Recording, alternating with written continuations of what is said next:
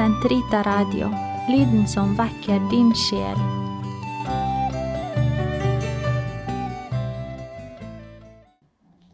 Den katolske kirkes katekisme, uke 43, lørdag 2360-2365. Ekteskapelig kjærlighet.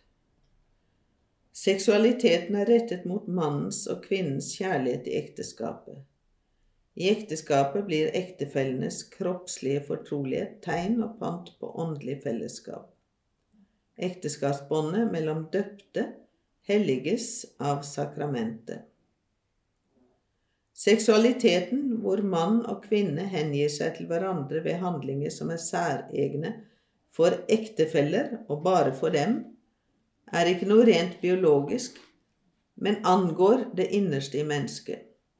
Den fullbyrdes ikke på sant menneskelig vis hvis den ikke er fullt ut del av den kjærlighet mann og kvinne lover hverandre inntil dør, døden. Tobias sto da opp og sa til Sara, Stå opp, min kjære, og la oss påkalle vår Herre og bønnfalle ham om å vise nåde og bevare oss. Sara sto opp, og de begynte å be om at Herren måtte bevare dem. Tobias ba slik, Lovet være du, våre fedres Gud. Det var du som skapte Adam og ga ham hans hustru Eva som hjelper og støtte. Menneskeslekten stammer fra dem. Det var du som sa, det er ikke godt for mannen å være alene. Jeg vil gi ham en hjelper, en som er hans like. Nå tar jeg denne min kjære til hustru, ikke av uren lyst, men av et udelt hjerte. Jeg ber deg, vis din miskunn mot meg og mot henne, og la oss eldes sammen. Så sa de begge, Amen, amen, og gikk til sengs for natten. De handlinger som fullbyrder ektefellenes intime og kyske forening, er moralsk positive og verdifulle. Når de utføres på en sant menneskelig måte, uttrykker og styrker de den berikende gave ektefellene gir hverandre i glede og takknemlighet, nemlig seg selv.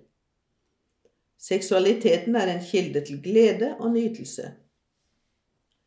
Skaperen har selv ordnet det slik at ektefellene i denne Forplantningsfunksjonen føler nytelse og tilfredsstillelse for kropp og sinn. Derfor gjør ikke ektefellene galt i å søke slik nytelse og glede seg ved den. De tar imot hva Skaperen har bestemt for dem. Allikevel må ektefellene vite å holde seg innenfor grensene av sant måtehold. Ved ektefellenes forening fullbyrdes ekteskapets dobbelte målsetning – ektefellenes eget vel og videreføring av liv. Man kan ikke skille disse to betydninger eller verdier ved ekteskapet fra hverandre uten å endre parets åndelige liv og sette ekteskapets vel og familiens fremtid i fare. Mannens og kvinnens kjærlighet i ekteskapet er derfor underlagt det dobbelte krav om trofasthet og fruktbarhet. Trofasthet i ekteskapet et ektepar danner et intimt samliv i kjærlighet som skaperen er opphav til og lovgiver for. Det oppstår ved ektepakten, dvs. Si et ugjenkallelig personlig samtykke. Begge hengir seg til hverandre på en ugjenkallelig og fullstendig måte. De er ikke lenger to, men utgjør fra nå av ett legeme. Den ektepakt ektefolkene frivillig slutter, forplikter dem til å bevare den én og uoppløselig. Det som Gud da har sammenføyd, det har mennesket ikke lov til å atskille. Markus 10,9. Trofasthet er uttrykk for ordholdenhet. Gud er trofast.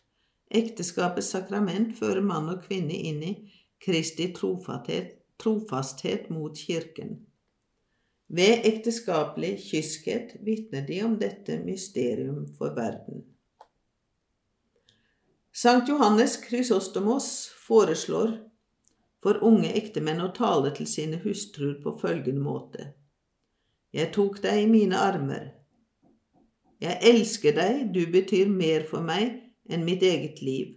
For dette liv er ingenting, og det er min inderligste drøm å tilbringe det sammen med deg på en slik måte at vi kan være visse på ikke å skilles ad i dette liv vi har i vente.